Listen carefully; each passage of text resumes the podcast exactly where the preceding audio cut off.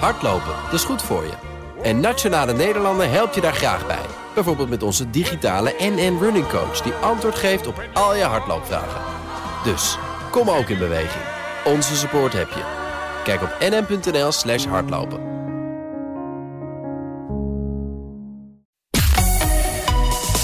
BNR Nieuwsradio. De AEX-factor. Paul Lasseur.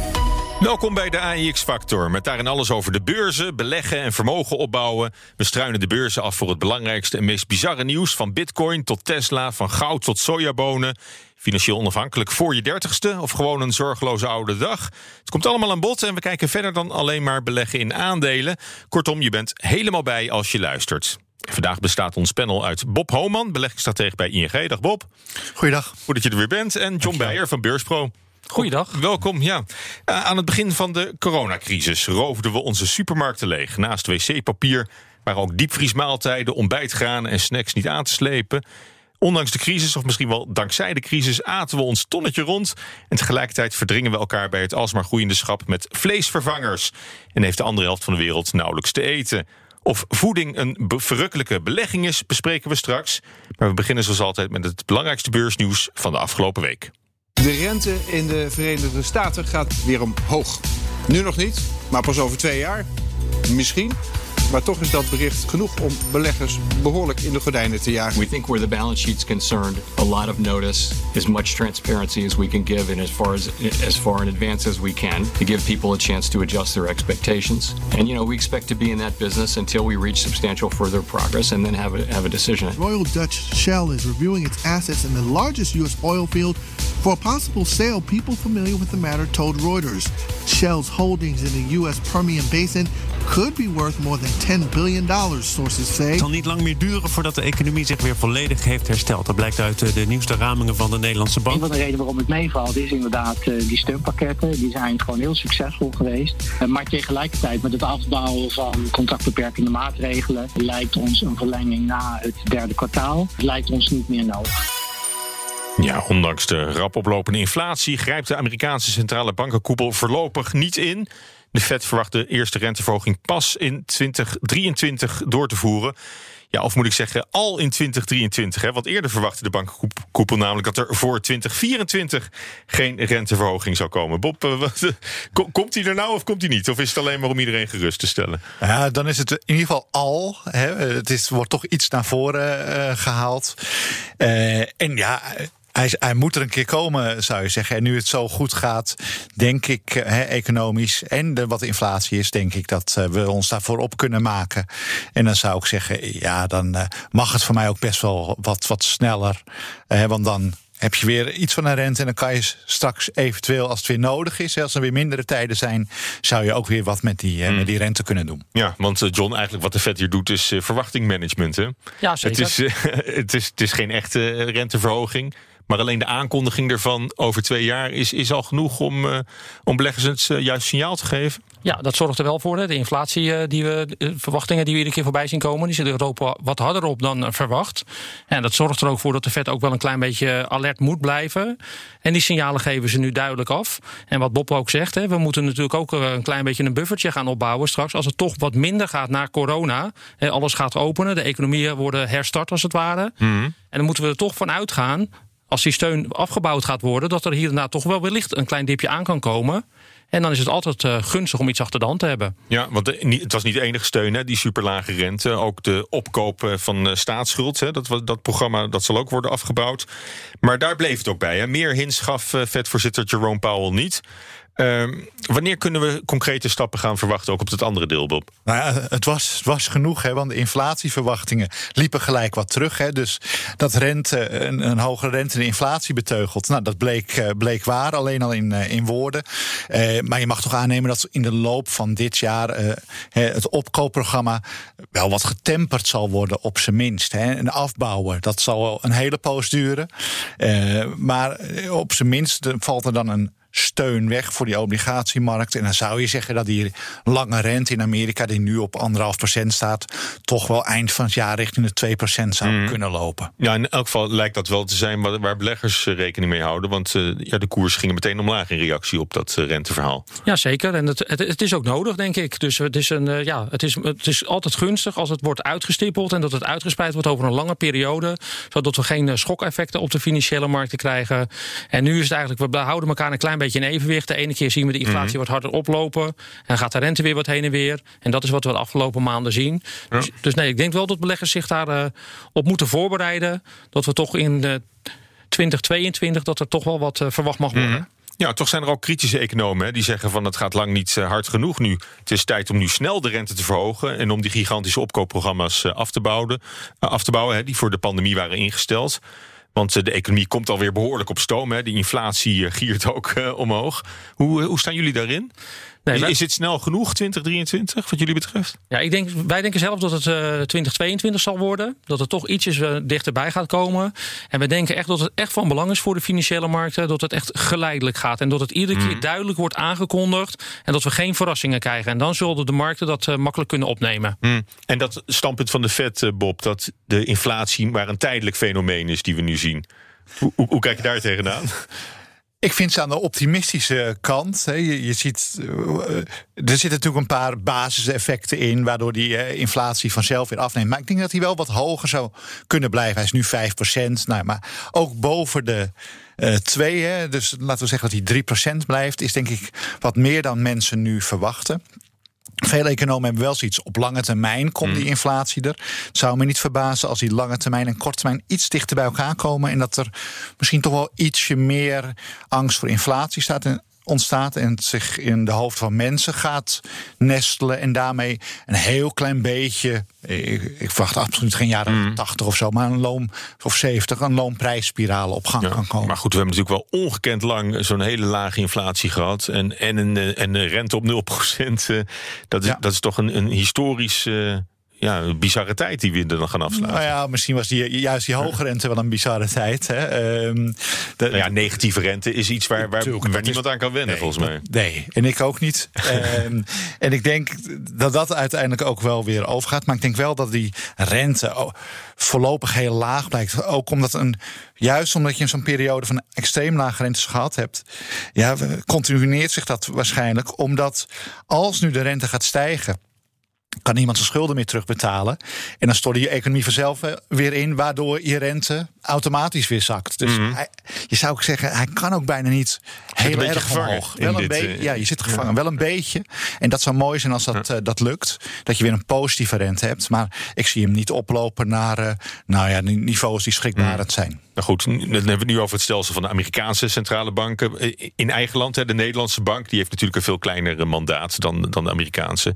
De ECB trouwens ook. Maar eh, in ons eigen land waarschuwt de Nederlandse bank het kabinet om niet langer voor kerstman te spelen. hè.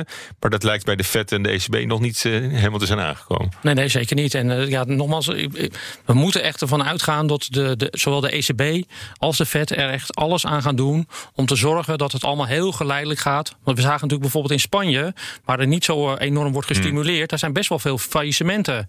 In Nederland en in Duitsland valt dat nog enorm mee. Als men natuurlijk daaraan toch met die rente wat gaat doen, dan wordt het natuurlijk veel groter. En wat Bob ook aangeeft, en dan komen we toch in dat het weer zelf zich gaat reguleren.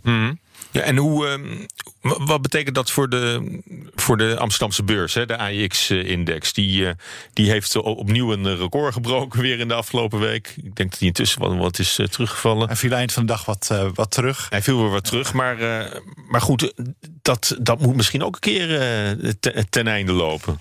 Nou, je ziet dat die rentestijging die er dit jaar al geweest is. Hè, eh, want eh, ook de, Duitse en Amerikaanse rentes zijn toch wel nou, gemiddeld een half procent opgelopen. Die kan die beurs vrij makkelijk absorberen. Dus als het maar geleidelijk gaat. Ik denk wel dat je binnen aandelen dan een verschuiving hebt hè, van wat meer die, die extreme groeiaandelen met hele hoge waarderingen. En naar misschien wat meer cyclische en waardeaandelen. Heb je dit jaar eigenlijk al gezien. Maar voor de afgelopen weken draait dat weer om. Maar ik denk dat het de komende tijd meer die kant op gaat. En je moet denk ik ook niet vergeten dat heel veel. Maar eh, denk je dat de risico-aandelen, waar, waar meer in is belegd hè, de afgelopen tijd, dat die wat stabiliseren, en, maar, maar dat het stokje als het ware wordt overgenomen door de defensieve aandelen? ja, en waarbij ik wel denk dat het per saldo niet heel En veel. voedingaandelen, waar we het straks eh, Ja. uitgebreid over gaan Ja, hebben. bijvoorbeeld. Maar, maar ik verwacht niet dat het per saldo nog veel oploopt. Want ik denk dat eh, je dit jaar al nou, op een gemiddelde beurs eh, het ergens tussen de 10 en 15 procent eh, rendement hebt gemaakt. Ja, daar heb je denk ik ook, loop je ook al wel een beetje vooruit op de rest van het jaar. Ja, het is juni. we hebben nog een half jaar te goed. John, wat denk jij? Ja, wij denken dat de beurs nog wel, wel iets verder omhoog kan. Dat, we zeg maar naar de 760 punten kunnen gaan oplopen.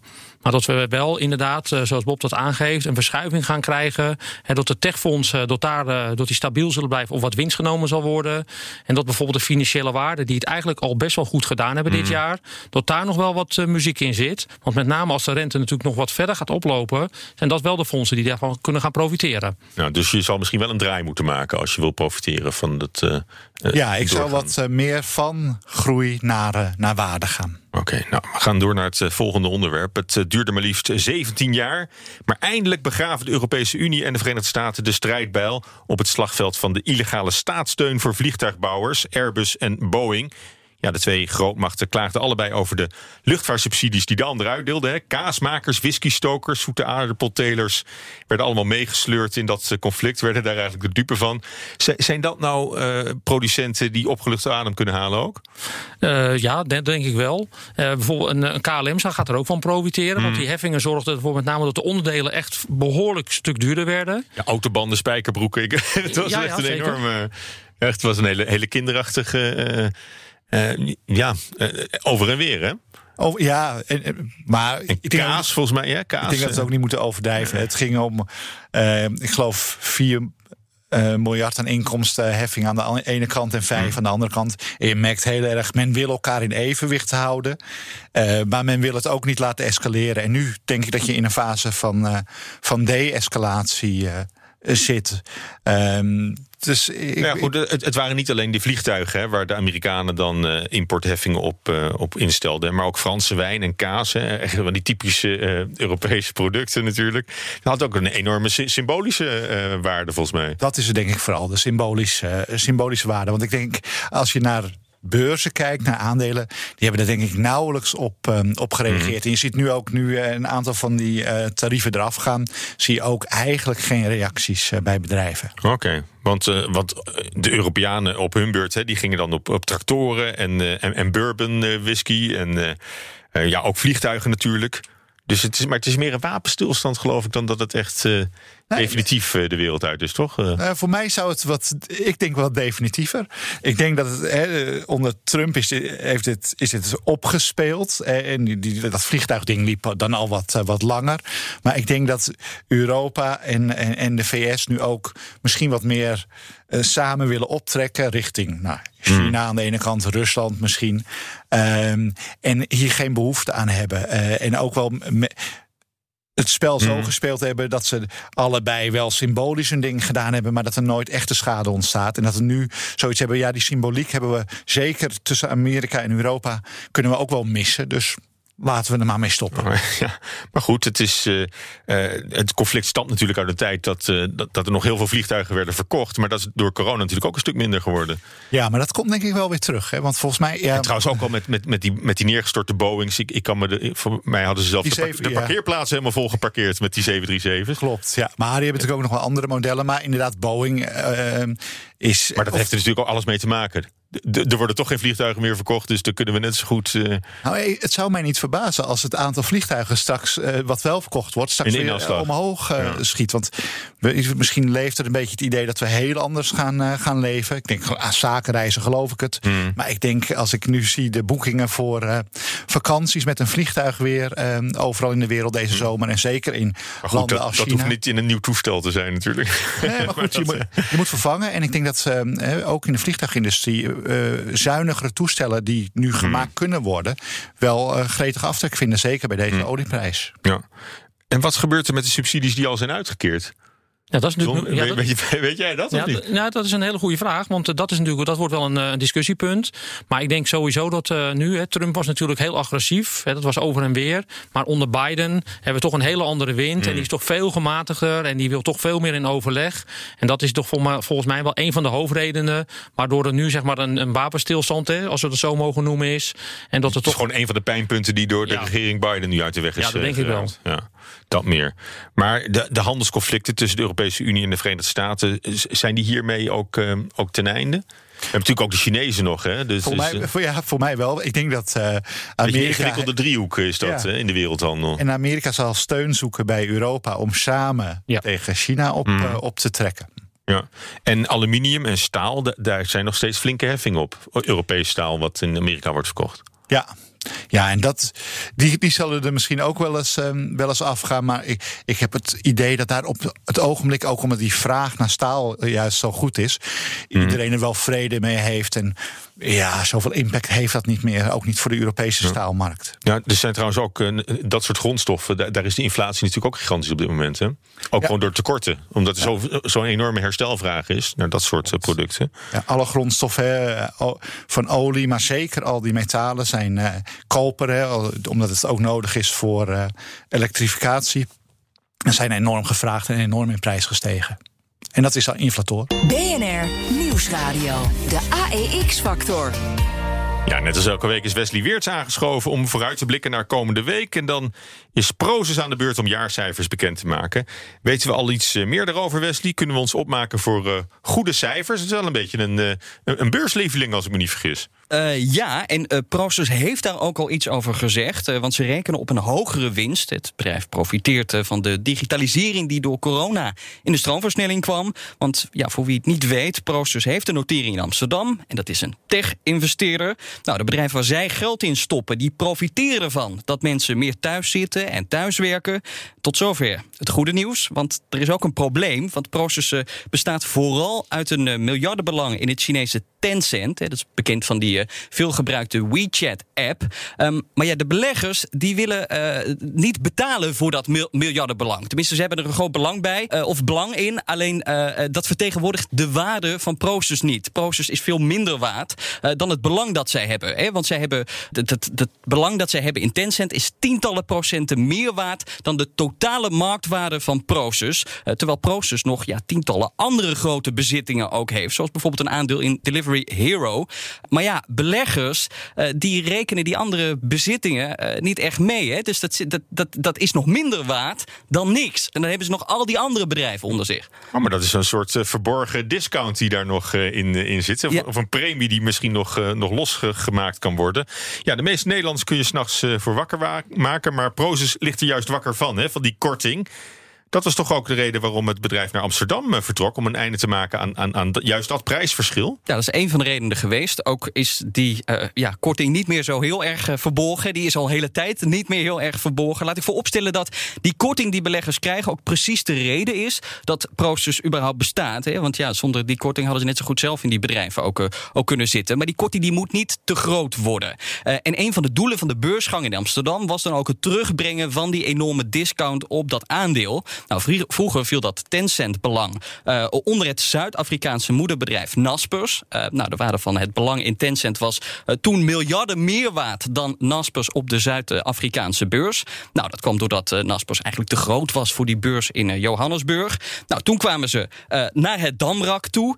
Toen daalde die korting ook wel wat. Maar ja, ondertussen is Tencent weer flink doorgegroeid. En groeit ook die korting weer mee. Dus Ja. er moet dan opnieuw weer worden ingegrepen. Ja, en wat wil Prozus eraan doen om een beetje gelijke tred te houden met de groei van Tencent? Nou, het gaat wat te ver om dat helemaal uit te leggen. Maar via, via een ingewikkelde aandelenruil wil het bedrijf die korting laten dalen. Kortweg komt het erop neer eh, dat aandeelhouders van Naspers hun stukken in kunnen ruilen voor de aandelen Prosus. En dat moet het gewicht van Naspers op die Zuid-Afrikaanse beurs dus weer wat verlagen. En de verhandelbaarheid van eh Prosus hier in Amsterdam verbeteren. Eh, en daarmee neemt dan ook het gewicht van Prosus in grote Europese en ook internationale indexen weer wat toe. Eh, en het idee is dan dat indexbeleggers, ja, die worden dan min of meer gedwongen om extra aandelen te kopen, wat die korting dan moet verkleinen. Ehm, en je merkt het al, het is een, een, een vrij tamelijk ingewikkelde constructie. En aandeelhouders die weten weten ook niet precies uh, ja, wat die transactie hen dan oplevert. Uh, en ze geloven bovendien ook niet dat hierdoor die korting afneemt. Uh, dat hebben ze in ieder geval laten weten. Dus Proces heeft te maken met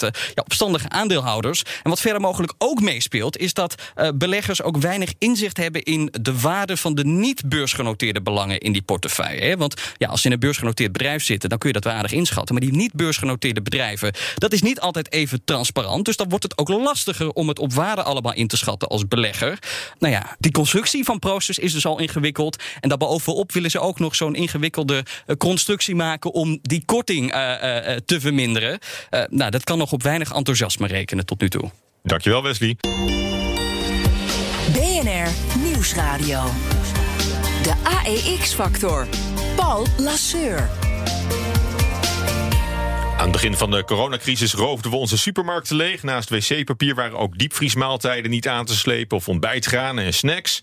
Ondanks de crisis, of misschien wel dankzij die crisis, aten we ons tonnetje rond en tegelijkertijd verdringen we elkaar bij het almaar groeiende schap met vleesvervangers. En heeft de andere helft van de wereld nog altijd nauwelijks te eten. Ja, terwijl op de beurs het een na het andere record in de boeken wordt gezet, blijven aandelen van voedinggiganten daarbij achter. It's interesting to see the underperformance of big food year to date. I mean, I got Conagra uh, shares up 3.7% year to date. The S&P 500 is up 11%. Pepsi shares, PepsiCo shares are down almost 2%. Coca-Cola down almost 1%. Ja, dat, dat is een quote van iets eerder al uh, dit jaar. Ja, hoe, hoe kan het eigenlijk dat, dat voedingaandelen zo achterblijven... terwijl, je, terwijl we juist wel een enorme stijgende vraag naar, uh, naar voeding zien, John? Ja, het is toch wat, wat defensiever. En we zien toch dat die fondsen ook eigenlijk in, een jaartje terug in maart... tijdens de corona, tijdens het ontstaan, behoorlijk onderuit gingen. Daarna veerden ze wel weer redelijk snel op. Maar de tech-aandelen, ja, die gingen natuurlijk gewoon fantastisch... omdat hè, thuiswerken en dat soort zaken... En eh, ondanks het feit dat we inderdaad massaal naar de supermarkt mm. gingen, liepen ja, want, ze. Want thuiswerken betekent ook thuis snacken. En, wat je op het werk niet doet normaal. Ja, maar ik denk. En niet meer naar het restaurant, dus, dus uiteindelijk. Uh... Klopt. Maar bij IT-bedrijven, uh, daar komt er echt een grote extra vraag. En weet je ook dat dat door wat veranderingen structureel is. En hier weet je, ja, je kan je buik één keer vol eten. Maar hm. op een gegeven moment hou dat op. Hè. Dus als er een, een, periode, een groeisprong is, dan weet je dat is maar voor heel eventjes. En ik denk dat aandeelhouders dan wat, toch wat langer hm. voor, uh, vooruit kijken. En misschien... Wat eigenlijk zou je zeggen, zijn die ook juist voedingaandelen, big food zijn ook stay-at-home aandelen. Ja, deels. Hè. Het, het tweeledig denk ik daarin. Want um, de marges in restaurants en horeca... Van hmm. waar die bedrijven ook veel aan leveren... zijn veel hoger. Ik denk ook dat je daar nu wel een soort reflatietrade ziet... Hè, bij Anheuser-Busch of bij, bij Heineken. Dat oké, er is net zoveel bier gedronken waarschijnlijk hè, de afgelopen hmm. jaar... maar de marges waren veel lager... omdat het uh, uit een krat was in plaats van uit een, uh, uit een tap. En daar zie je nu wel wat um, koersherstel ontstaan... Maar je moet denk ik ook niet vergeten, de Unilevers en Nestle's van deze wereld, ja, die waren altijd al vol geprijsd, om het zo te zeggen. Mm. Dus redelijk dure aandelen. Die hebben door corona uh, misschien ietsje meer verkocht, maar dat zal niet heel veel, uh, veel zijn. En uh, dat groeipad voor de komende jaren is laag. Maar ik vind wel, omdat ze achtergebleven zijn op de beurs, uh, vind ik het voor de komende tijd wel kanshebbers. Ja, is het niet zo dat we na corona ook weer meteen wat minder uh, chips en, en, en, snacks gaan kopen. Wat denk je, John? Ja, natuurlijk, want de restaurants gaan weer open en we gaan er weer op uit. Maar ik denk inderdaad dat we toch... Maar, maar dat, dat, is een beetje contra-intuïtief om, om, om daar dan juist nu in te gaan beleggen. Ja, maar zoals, uh, zoals Bob al aangeeft, de marges zijn natuurlijk gewoon heel erg laag. Als hmm. ze, zijn natuurlijk, uh, ze, ze, leveren als het ware aan groothandel, hè, supermarktenketens. En daar zijn de marges gewoon heel erg laag. En aan rest, bij restaurants, daar verdienen ze gewoon veel meer aan. Dus we denken gewoon dat, ze toch, dat daar toch wel weer wat meer muziek in zit. Ik denk een raketje in uh, de kiosk verdient Unilever ook meer aan dan een, een raketje in uh, het, het schap bij de Albert Heijn. BNR Nieuwsradio. De AEX-factor. Paul Lasseur. we praten over het beleggen in voedselaandelen. En het is opvallend dat die een beetje zijn achtergebleven tijdens de coronacrisis. Omdat je zou denken van ja, we gaan veel meer chips en, en, en hamburgers en weet ik het thuis allemaal consumeren.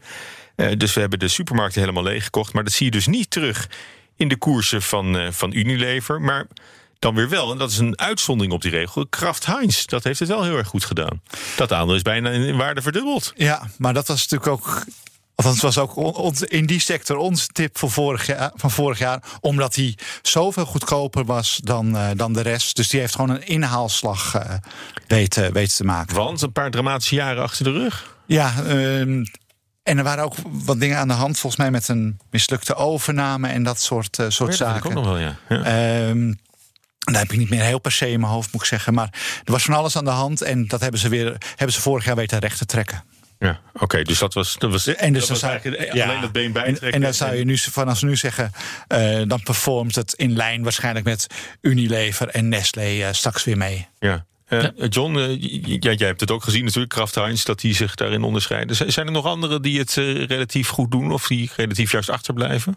Nee, in principe, eh, een Heineken doet het eh, best aardig. Die heeft ook een eh, behoorlijke dreun gehad hè, toen de coronacrisis begon. Is er behoorlijk opgelopen.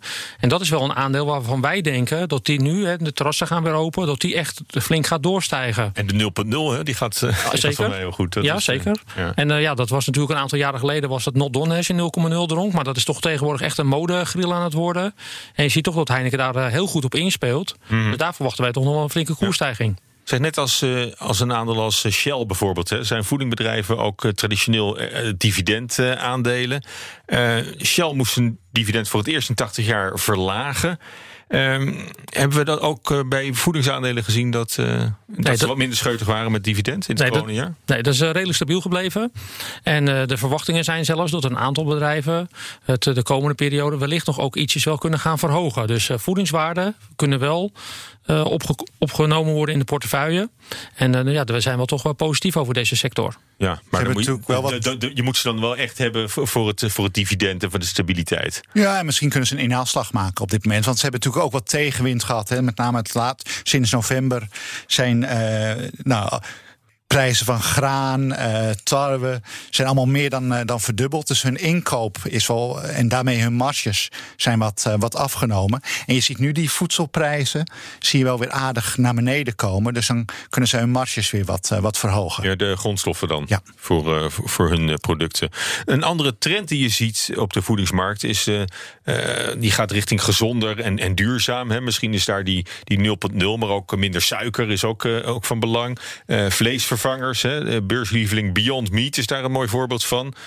Eh, die maakt plantaardige vleesvervangers. Die ging in 2019 naar de beurs en steeg sindsdien honderden procenten in waarde. Wat, eh, wat doen ze daar zo goed? Is dat omdat ze allemaal filmsterren aan boord hebben gehaald?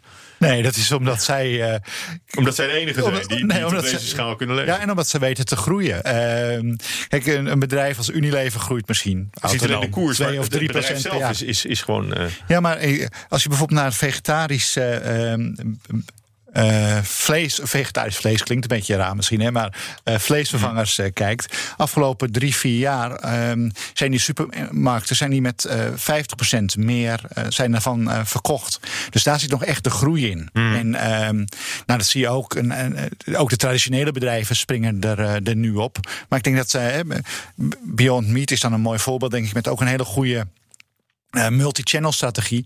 En bij de Burger King wat- wat- en in het schap eh, bij de supermarkt. Tesla is voor de, voor de auto-industrie, dat is Beyond Meat voor de... Nou, net niet. Nee, dat is minder eh, revolutionair, denk ik. Hè? Want eh, dit kan je wat makkelijker namaken. Er zitten denk ik niet die schaalvoordelen in Nou ja, eh, je die ziet Tesla wel heeft. dat, dat, dat, dat Volkswagen nu ook heel erg op die, eh, op Ja. die elektrische Klopt. Maar is daar gesprongen. zie je toch dat het, het, niemand lukt het om een Tesla te maken met, met het- hetzelfde bereik. Hmm. Hè, misschien eh, de Koreanen komen wel in de buurt.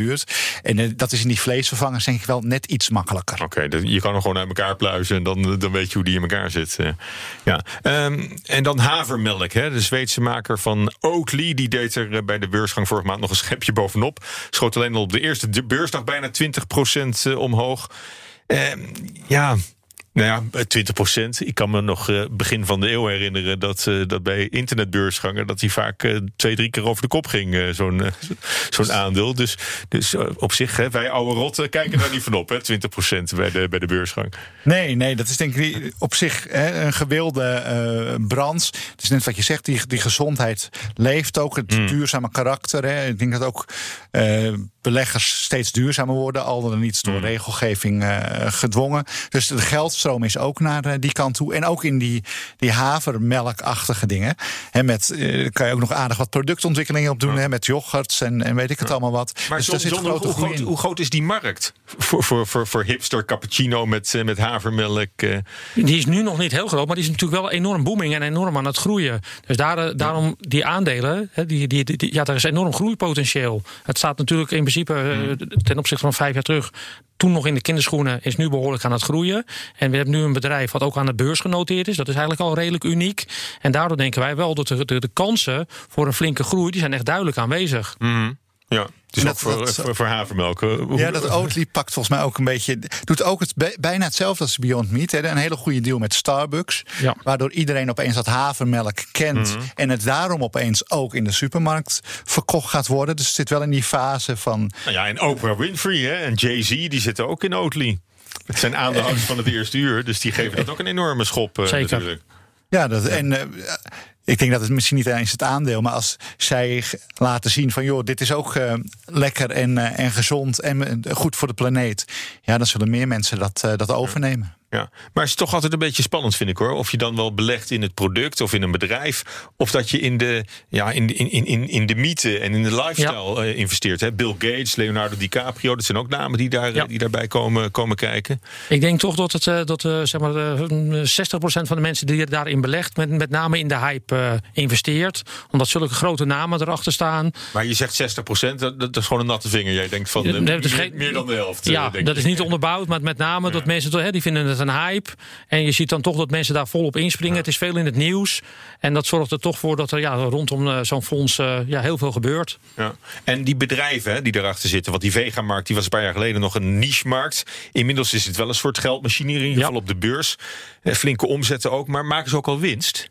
Of, of zitten ze nog heel erg in die, in die ontwikkelingsfase van, Nou ja, kijk, Beyond Meat eh, maakt verlies. Ik denk dat Oatly heeft wel winst gemaakt, maar die zal in deze fase misschien, omdat ze nu weer heel veel investeren, misschien eh, eh, ook een verlies maken. Dat weet ik eigenlijk niet, maar het zal, zal niet veel winst zijn in ieder geval. Maar je ziet denk ik wel, hè, ook van de Nederlanders, meer dan 50% van de Nederlanders laat vlees drie, drie dagen in de week of meer liggen al op dit moment. En Nederland loopt dan ook wel vaak voorop met dit soort ontwikkelingen. Dus je ziet dat ook in de rest van Europa, Amerika, straks misschien een deel van Azië ehm, gebeuren. Ja, maar het is eh, ja, eh, Oatly, Beyond Meat, hè, dat, als, als we daar even bij blijven, die noteren zes à zeven keer de omzet op de beurs. Dat is toch heel wat meer dan gevestigde voedingsproducenten. Ja, absoluut. Er zit dus al heel veel eh, waarde zit al in de koers verdisconteerd. Dus men verwacht echt dat het eh, flink gaat groeien. Maar dat- en ja, dat is wel logisch, omdat het natuurlijk redelijk kleine bedrijven zijn. En dat het redelijk snel kan groeien. Kijk, een Unilever, dat is natuurlijk zo'n groot bedrijf. Daar zijn de marges heel klein. En daar zou je natuurlijk niet nog een enorme groei meemaken. Ja. En dat kan bij dit soort bedrijven kan het best wel snel gaan. Ja, maar als, als gezond en, en, en vega, als dat mainstream wordt, zal je toch gaan zien dat die bedrijven ook qua waardering op de beurs denk ik steeds meer naar elkaar toe gaan groeien. Ja, kijk, Ik denk ook dat Unilever, hè, die hebben de vegetarische slager Precies, gekocht. Dat is ja. ook niet voor niks. Nee, je kan die groei maar een beperkt aantal jaren volhouden. Want dan springen of de concurrenten erin. eh, of die markt is, eh, is verzadigd. Dus het moet wel in een paar jaar bereikt worden. Maar met bijvoorbeeld Beyond Meat en ook eh, Oatly. lijkt het eh, voorlopig eh, in ieder geval wel die, die kant op te gaan. Dat je zegt van nou ja. Eh, die prijs die je nu betaalt is veel. Maar met 30, 40 procent groei. ehm, kan je dan over een paar jaar naar een normale waardering toe groeien. Ja. Maar goed, het is eh, waarschijnlijk wel een, een publiekslieveling dan de komende jaren. In ieder geval wat eh, Jim Cramer, hè, de beursgoeroe, in zijn opgewonden stijltje heeft verkondigd. Een paar weken geleden nog.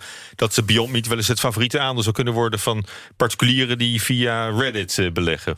Mm, daar ben ik niet zo'n voorstander van. Denk, dat denk ik niet gaat gebeuren. Ik denk dat, we wel, dat het een flinke groei kan gaan maken. Maar zulke enorme eh, verschuivingen wat we zien eh, via het platform Reddit... dat denk ik niet dat het eh, bij dit soort aandelen hoort. Nou, er zit natuurlijk wel best wel een short positie ook in Beyond Meat. Hè, omdat een aantal mensen toch echt wel zegt. Net als jij wel een beetje zegt van het is wel zwaar gewaardeerd. Dus eh, het, wat Reddit doet, hè, de short er een beetje uitpesten. Dat zou ook bij Beyond Meat best kunnen lukken.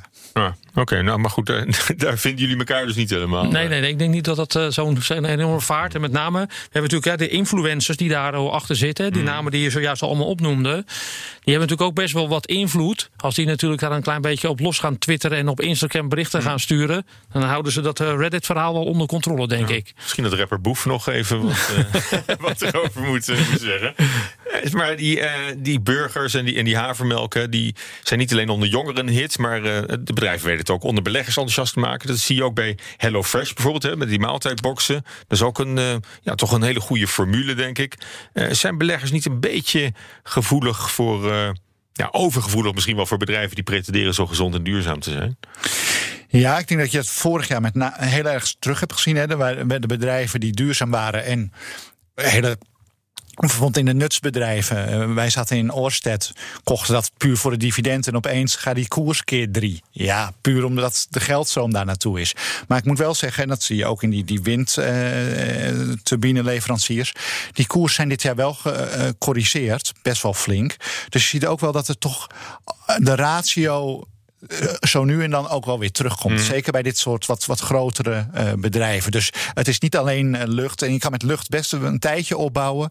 Maar dat duurt nooit heel lang. Ja, je moet ook naar de vraagkant kijken natuurlijk. Hè. Grote beleggers, pensioenfondsen, die staan ook onder druk om verantwoord uh, te beleggen. Die moeten zich daar ook uh, voor verantwoorden. Die moeten daar transparantie in betrachten. Dat maakt het ook voor professionele beleggers misschien wel aantrekkelijk om juist naar dit soort aandelen te kijken. Ja, ja zeker. We denken... Dat kan je goed verkopen op de aanhoudersvergadering. Van, uh, nou, kijk eens waar we in belegd hebben. Ja, ja, zeker, absoluut. Dus kijk, het is een hype en daardoor staat het veel in de aandacht. En alles wat, wat, wat, wat met groen te maken heeft, dat hebben we de afgelopen periode best redelijk gedaan. En dit is nu dan ook wel weer een, eh, ja, een soort nieuwe hype die al hmm. wel een tijdje onderweg is. Maar ik denk met name inderdaad dat grote pensioenfondsen daar zeker uh, een deeltje in zullen gaan beleggen. Ja. En toch zie je iets geks, hè? want die nieuwkomers die worden juist eh, beloond voor de groene koers die zij, die zij varen. Terwijl als gevestigde bedrijven in de voedingssector, hè, zoals Danone, eh, als die zeggen een, een, veel duurzamere koers te gaan, eh, te gaan nastreven, dan eh, worden ze afgestraft door een groepje activisten.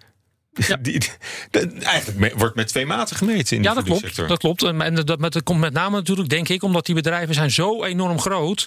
En omdat die al, ja, die kunnen het wel roepen natuurlijk. Maar of dat echt, uh, ja, hoe snel ze dat voor elkaar krijgen, dat is natuurlijk nog een andere vraag. Ja, want hoe is dat voor, voor Unilever bijvoorbeeld? Ik, ik had het al over die vegetarische slager, wat natuurlijk een heel klein bedrijf is. En nu onderdeel van, uh, van het veel grotere Unilever. Um, dus, komen die er wel mee weg of niet? Nou, die doen natuurlijk heel handig. Die doen natuurlijk heel snel wat overnames. En die hebben natuurlijk ook uh, de slagkracht om dat te kunnen gaan doen. Dus als die natuurlijk een aantal van die partijen heel goed en uh, flink zien groeien, dan kunnen die natuurlijk binnenboord halen. En zo kunnen ze natuurlijk het merk verder een uh, wat groenere boost geven. Ja. ja, ik denk dat Unilever sowieso een mooi voorbeeld is. Die heeft onder Polman is het gelukt om een heel groen imago te creëren. Ja. Ja, is dat, is dat nou zo goed gelukt? Want uiteindelijk heeft, heeft Polman dat niet kunnen, kunnen cashen om het, uh, om het populair te Nee, maar ik denk dat het. er zijn wel wat aanmerkingen her en der. Uh, maar ik denk dat het wel gelukt is en dat Unilever, in ieder geval onder beleggers, wel op die hmm. manier bekend staat. Ja, maar ook ehm, moeten ze daarvoor niet nog veel meer doen aan hun CO2-uitstoot, aan de plastic verpakkingen, aan van wij helpen de, de, de plastic soep te, terug te dringen in de, in de wereld, of, of we investeren in het opruimproject van, van Bojan. Dat zou denk ik altijd goed zijn. En, en wat, wat natuurlijk helpt, is dat uh, ook banken uh, eind dit jaar moeten rapporteren uh, op hun portefeuilles hoe, hoeveel CO2-uitstoot er en dergelijke in de bedrijven zit waarin zij investeren ten opzichte van mm. een benchmark. Dus dat ook beleggers eraan gelegen is om bedrijven te kopen die daar ehm, echt mee, mee bezig zijn. En nou, dat zien die bedrijven zelf ook. En veel bedrijven acteren toch op wat, wat aandeelhouders mm. willen. Dus dan is dat denk ik een, een versterkend effect wat, wat kan helpen. Ja, maar institutionele beleggers uh, die moeten natuurlijk ook uh, steeds vaker verantwoord beleggen. Maar die, die bewegen ook wat trager. Is die, is die, uh, die duurzame en die groene voeding, hè, is dat niet typisch een sector die het van de particuliere belegger moet hebben nog in deze fase? Nee, dat denk ik niet. Ik denk dat dat dus best wel samen gaat. Dat inderdaad, wat je zegt, dat gaat meestal best wel wat traag. Maar dat het nu toch een klein beetje, zoals Bob dat al aangeeft. Hè, men moet toch wel meer open kaart gaan spelen. Men moet zich meer aan de regels gaan houden in, in dat verhaal. En dat dat natuurlijk juist een gunstig effect kan hebben voor dit soort fondsen. Ja. Ik denk dat je in, in heel veel sectoren ook wel ziet hè, dat grote beleggers die zitten wat in die tra- traditionele bedrijven voor een beetje voor de veiligheid en daaromheen, hè, bijvoorbeeld in, in grote banken, maar daarnaast toch ook wat in fintech. Nou, zo zou je het ook kunnen zien. Oké, we zitten in traditioneel voedsel, maar we willen ook wat toekomstige groei inkopen met de aandelen die we net noemden, hè, Beyond Meat, Oatly. Mhm. En even om het, eh, om het af te ronden. Nu komende uit de, uit de eh, coronacrisis en uit de lockdowns hier en daar. En als we terugkijken hoe eh, voedingsaandelen gepresteerd hebben over het algemeen in het afgelopen jaar. Waar, waar staan we nu voor? Aan het, staan we aan het begin van een herwaardering van juist die sector? Ja, dat denk ik wel. Want de, de economie gaat dan in principe natuurlijk herstarten. En deze fondsen die kunnen wat ons betreft toch nog wel een, een, een, een zekere 10, 15 procent gaan oplopen de komende 12 maanden. Dus een zekere Ja, sector. maar die 10, 15 procent, dat is wat je ook voor de AIX eh, gemiddeld eh, volgens mij aanhield. Ja, maar ik denk wel met door de techfondsen dat daar niet geen 10, 15 procent meer bij gaat komen. Dus die groei die moet er komen van juist eh, deze aandelen. En, en, en de financiële waarde, denk ik. Ja, Bob? Ehm, nou, ik denk dat het terecht is dat die voedingsbedrijven wat minder snel gegroeid zijn dan die beurs. Want die beurs eh, die ging misschien wel heel hard en dat past niet bij, eh, bij deze bedrijven. Maar ik verwacht Maar, wel. maar, maar het, het zijn ook merkbedrijven. Hè? En ik, ik denk dat, eh, dat dat ook wel, eh, ook wel belangrijk is. Ook, ook, ook de markt, het zijn marketingmachines. Ja, absoluut. En, en daarmee ook iets. eh, Als, als je product populair is bij, bij het publiek, dan is het aandeel dat misschien ook wel. Ja, nou, ja, ik weet niet. Ik denk dat je met die marketing volkomen Het gelijk is een beetje Dat- dat alsof je in, in, in Nike belegt. Hè? Voor, voor, voor je Maar daar zit denk ik wel iets meer groeiverhaal in. Bij Overigens, dat, je hebt helemaal gelijk met die marketing. Dat was ook het verhaal van Kraft Heinz een paar jaar geleden. Die bedachten, we gaan niet meer in marketing investeren. En je ziet de verkopen eh, helemaal in elkaar klappen. Zelfs van, dus Coca-Cola bijvoorbeeld, die denkt dat is, iedereen kent het. Maar als ze, maar als ze stoppen met marketing is het... Je moet blijven pushen. Je moet blijven pushen, inderdaad. Eh, maar ik denk... En dus het, ik, dat kost ook een enorme hoop geld natuurlijk. ja. Goed, dat gaat, maar goed, dat hoort bij het, eh, het businessmodel. maar ik denk wel dat, met name omdat die eh, grondstofprijzen op dit moment wat eh, teruggevallen zijn, dat de marges bij die bedrijven wat omhoog kunnen. En dat ze inderdaad, en zeker ook omdat die tech wel een beetje uitgerend is in mijn ogen, zouden deze het relatief goed kunnen doen. Oké, nou, we- we zullen, het, eh, we zullen het gaan zien. Misschien dat, eh, dat ik jullie over een half jaar nog eens aan tafel heb hier. Om te kijken of, eh, of, dat allemaal, of dat allemaal uitkomt. Want dit was de AX-factor. Ik hoop dat je volgende week vrijdag weer luistert. Vanaf 7 uur op de radio. En dan ook direct beschikbaar als extra lange podcast. Dank voor jullie bijdrage. John Beijer van Beurspro. En Bob Homan, beleggingsstratege bij ING. Dank jullie wel. Graag gedaan. Graag gedaan. En eh, oh ja, heb je voor ons een gouden beleggingstip? Of heb je iets gehoord waarvan je wilt checken of het wat is? Of een vraag voor het panel? Laat het ons weten door een mailtje te sturen naar aexfactor.bnr.nl. Tot volgende week. Hardlopen, dat is goed voor je. En Nationale Nederlanden helpt je daar graag bij. Bijvoorbeeld met onze digitale NN Running Coach... die antwoord geeft op al je hardloopvragen. Dus, kom ook in beweging. Onze support heb je. Kijk op nn.nl slash hardlopen.